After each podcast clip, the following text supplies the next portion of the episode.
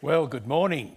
I guess some of us are probably relieved that uh, we weren't going to hear this third and fourth page of the handout, um, especially with the small print there. Uh, however, the reason I've given you the handout is not only just to help with this morning, but you're welcome to take it home and do some more reflection on these two fantastic chapters, I think, in, uh, in Ezra. Many of us may not necessarily be all that familiar with. Miracles. What do you feel about miracles? What do you think about miracles?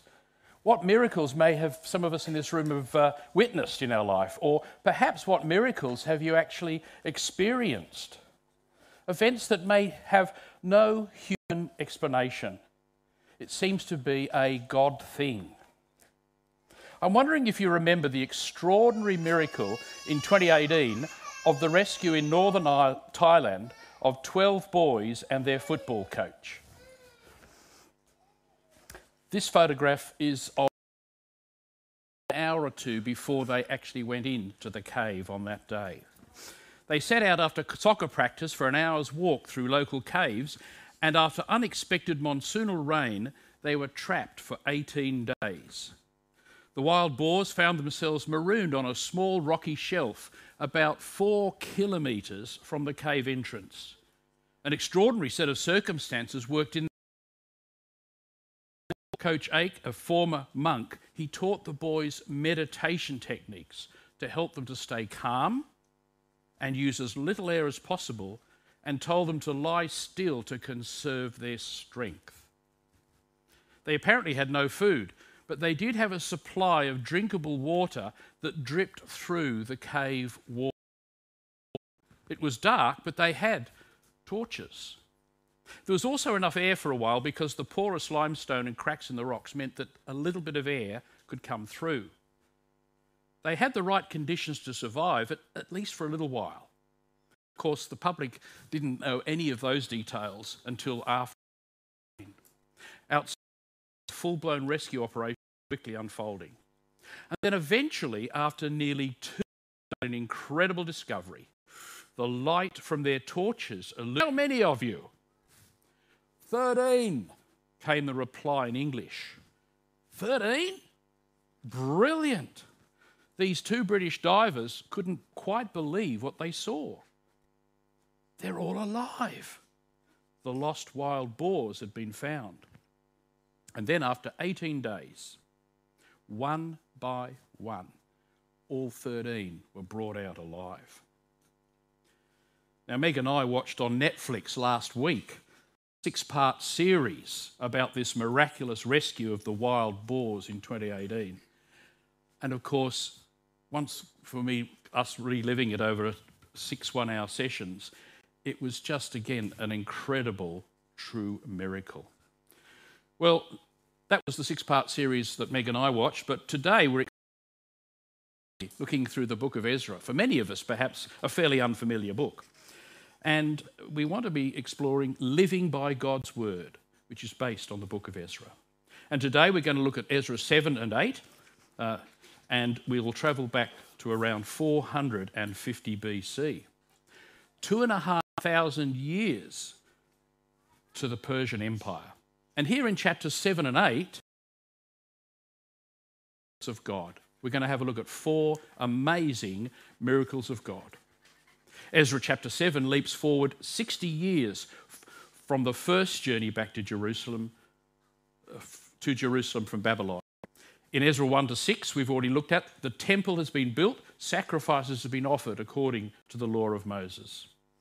And in Ezra chapter 7, verse 1 and verse it says, After these things, during the reign of Artaxerxes, king of Persia, verse 6, this Ezra came up from Babylon.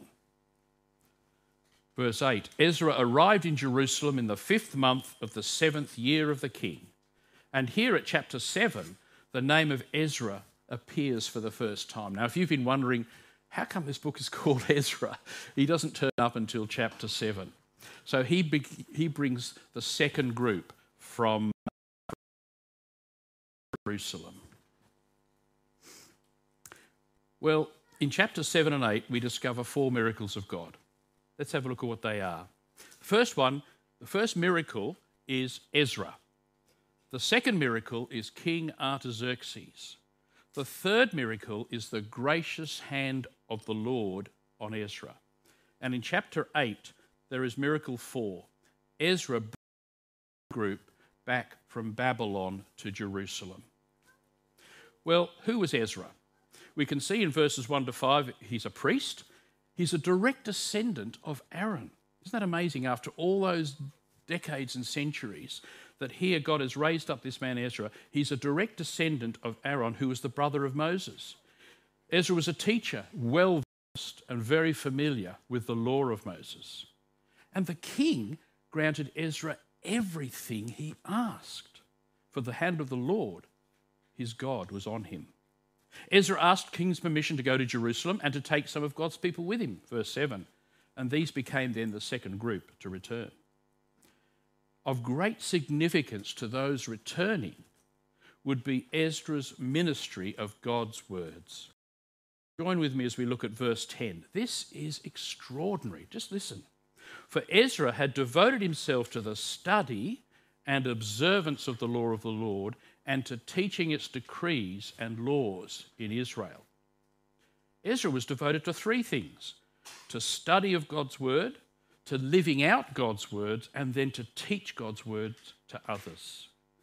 What a great gift he was to his God's people. And what a great gift God has given us here at Marsden Park. God has brought us Pastor Mark.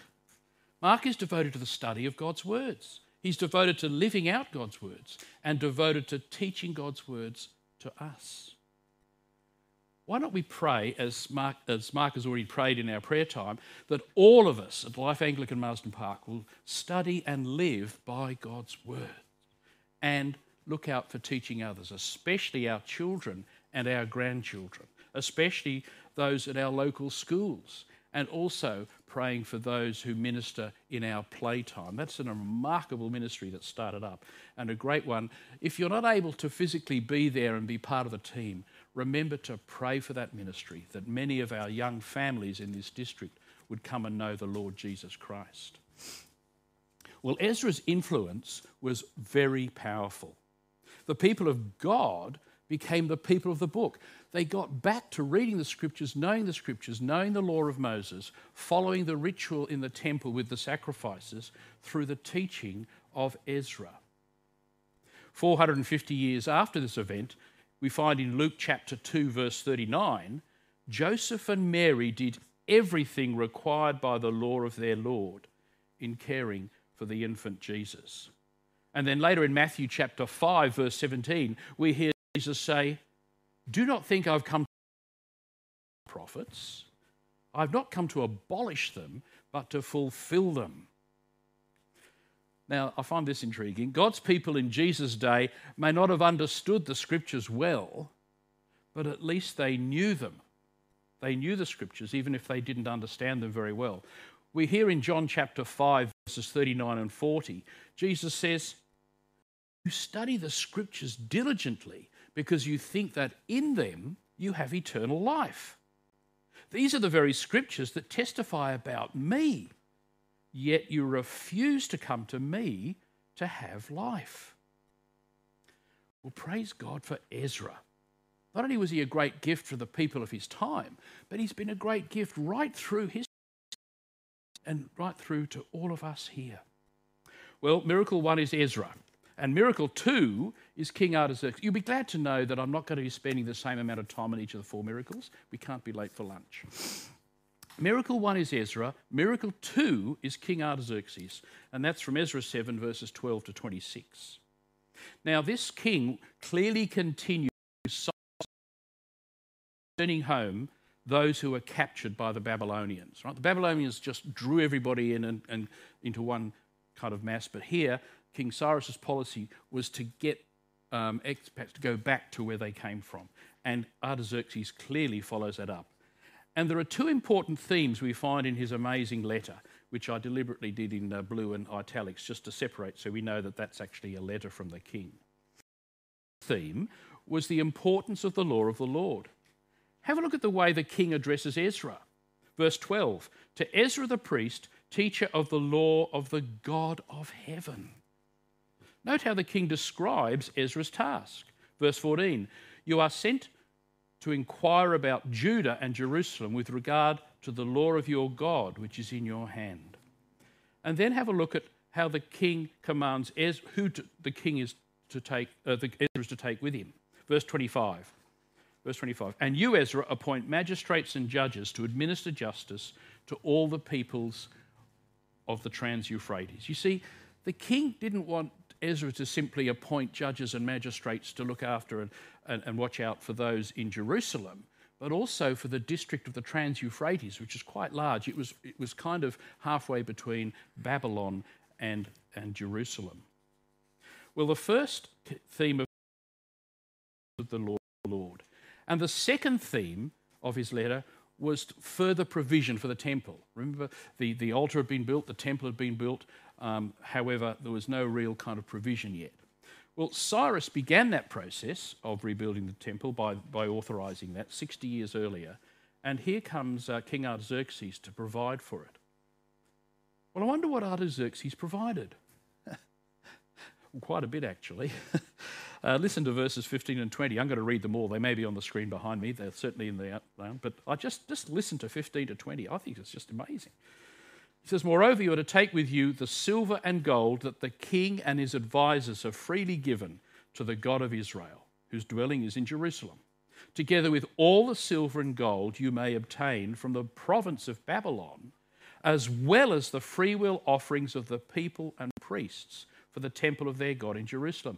That sounds a bit like the Exodus, doesn't it? Where, where the Egyptians just gave up a lot of their possessions and gave them to the uh, so that they could get out and cross the Red Sea.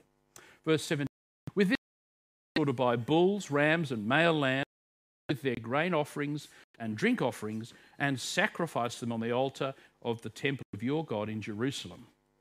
You and your fellow Israelites may then do whatever seems best with the rest of the silver and gold in accordance with the will of your God. Where's this silver and gold coming from? It's coming from the treasury of, of the king. Deliver to the God of Jerusalem all the articles entrusted to you for worship in the temple of your God. And anything else needed for the temple of your God that you are responsible to supply, you may provide from the royal treasury. This is extraordinary, isn't it? How good is that? What a miracle. But there's more. there's more than that because the king instructs the local province of Trans Euphrates to abundantly give as well. Listen to verses 21 and 22. Now I, King Artaxerxes, decree that all the treasurers of Trans Euphrates, these are not Israelites, they're, they're, they're, um, they're, they're others in the district, to, prov- um, uh, to provide with diligence whatever Ezra may ask of you up to four tons of silver, 16 tons of wheat, 2,000 litres of wine, 2,000 litres of olive oil, and salt without limit. I can hardly get my head around this. What an amazing decree. This is one of God's miracles to make sure that the original setup of the law of Moses and in Moses' time, and the great uh, temple that was built under Solomon's era, the second uh, or the third king of Israel, but certainly the second uh, uh following David, that they were to go back to Jerusalem. It's never going to be as good as the one before, but nevertheless, God organized it through Artaxerxes to be God's servant in doing this, even if Artaxerxes himself did not know and honor the Lord. So, what did he do? He authorized Ezra to go to Judah to ensure God's people obeyed the law. He provided money for the temple sacrifices. He commanded money from the Trans Euphrates province to support Ezra. He also freed the temple officials from taxation. That's an amazing little extra in his letter. And he also instructed Ezra to appoint judges to ensure that God's laws were obeyed, not only in Jerusalem, but also around the Trans Euphrates area. Well, Artaxerxes was God's second miracle. Miracle number three is the gracious hand of God on Ezra. We're going to look very briefly at the gracious hand before we finish up with miracle four in chapter 8. Well, listen to chapter 7, verse 6. The king granted him everything he asked, for the hand of the Lord his God was on him. And verse 9, he arrived in Jerusalem on the first day of the fifth month, for the gracious hand of God was on him. That was after their successful four month uh, trip across. And then verse 28 Because the hand of the Lord my God was on me, I took courage and gathered leaders from Israel to go up with me. This reminds us, doesn't it, of what happened with God's mighty hand rescuing his people from in the Exodus. We hear from Deuteronomy chapter 5 verse 15. Remember that you were slaves in Egypt and that the Lord your God brought you out of there with a mighty hand and an outstretched arm.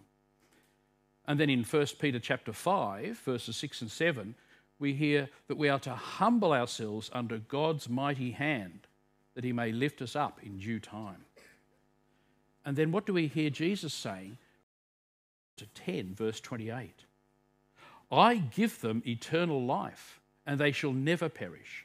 No one will snatch them out of my hand. So, here in Ezra chapter 7, God delivers three miracles God's provision of a well skilled Bible teacher who devoted himself to study, to do, and to teach the scriptures. God's use of King Artaxerxes to provide a well resourced temple and sacrifices. That was just extraordinary. And then God's constant protection of Ezra. Three great miracles in this chapter. And no wonder this chapter ends with such praise. Let me read verses 27 and 28. Praise be to the Lord, the God of our ancestors, who has put it into the king's heart to bring honour to the house of the Lord in Jerusalem in this way and who has extended his good favour to me before the king and his advisers and all the king's powerful officials. See, all those other ones, the advisers and the officials, they could have influenced the king to do something different. It's a bit like politics today, where you get others that you don't know about influencing the leader. Nevertheless, um, he had uh, was extended good favour because the hand of the Lord my God was on me. I took courage and gathered leaders from Israel.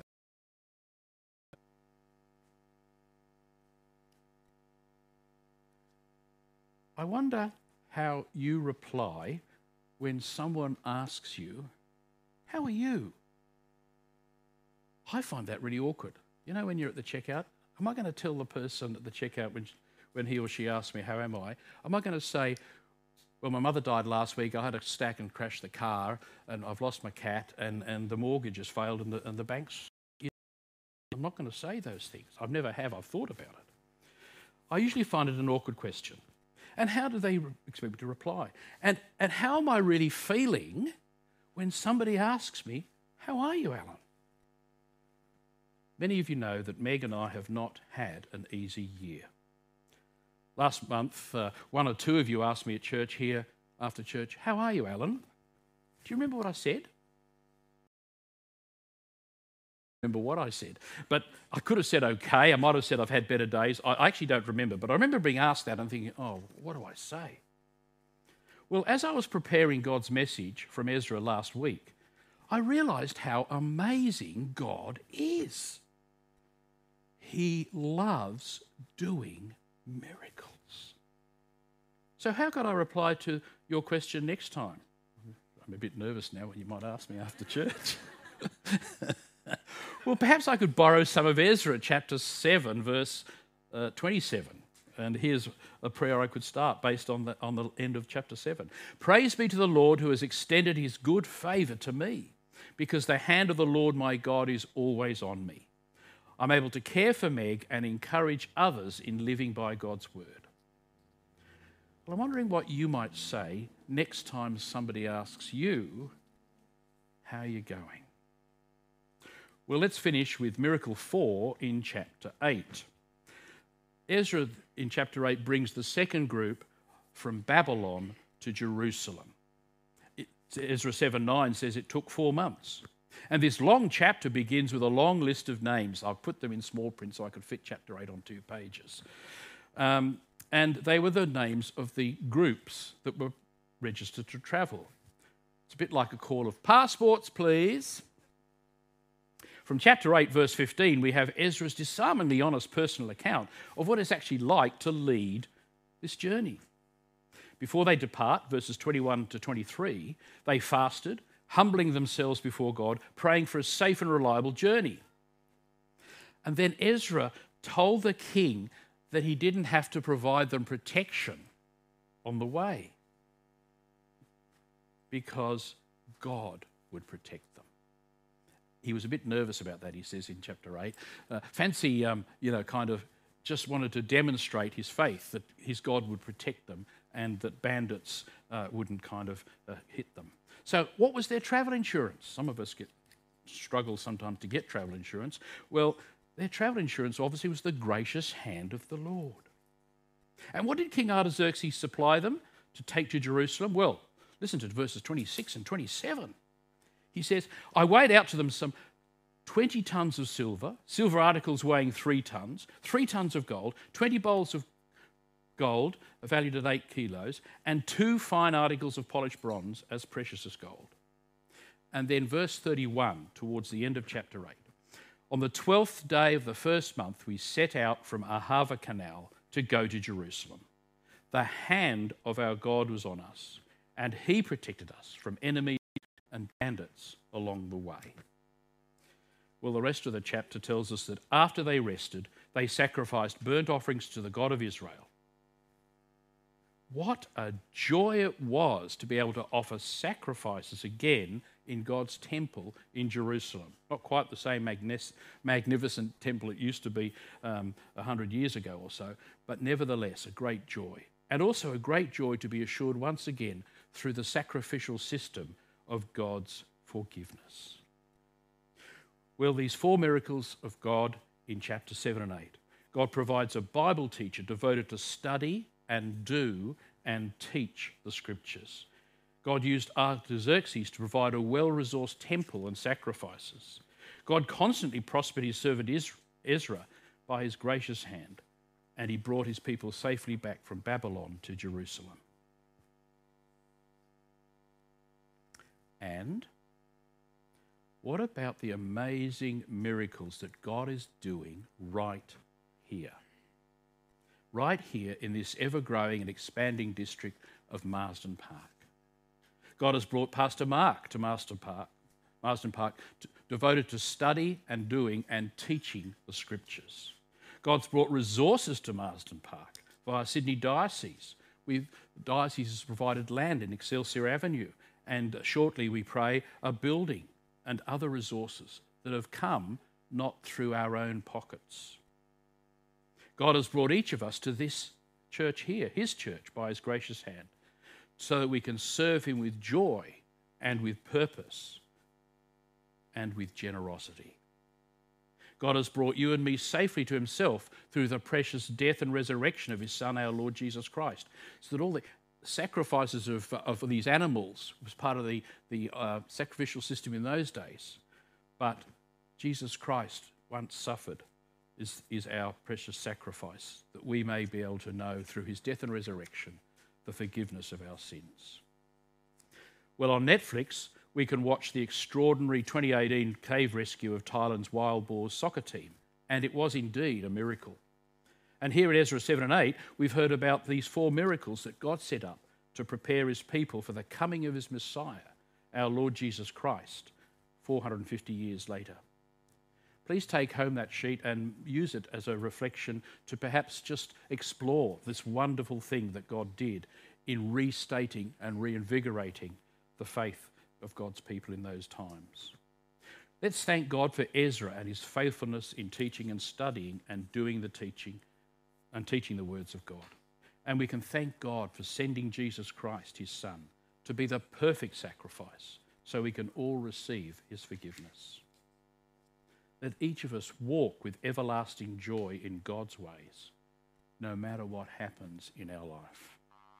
May we know the everlasting peace that comes as we live by God's words, whatever goes on. Let me close with prayer.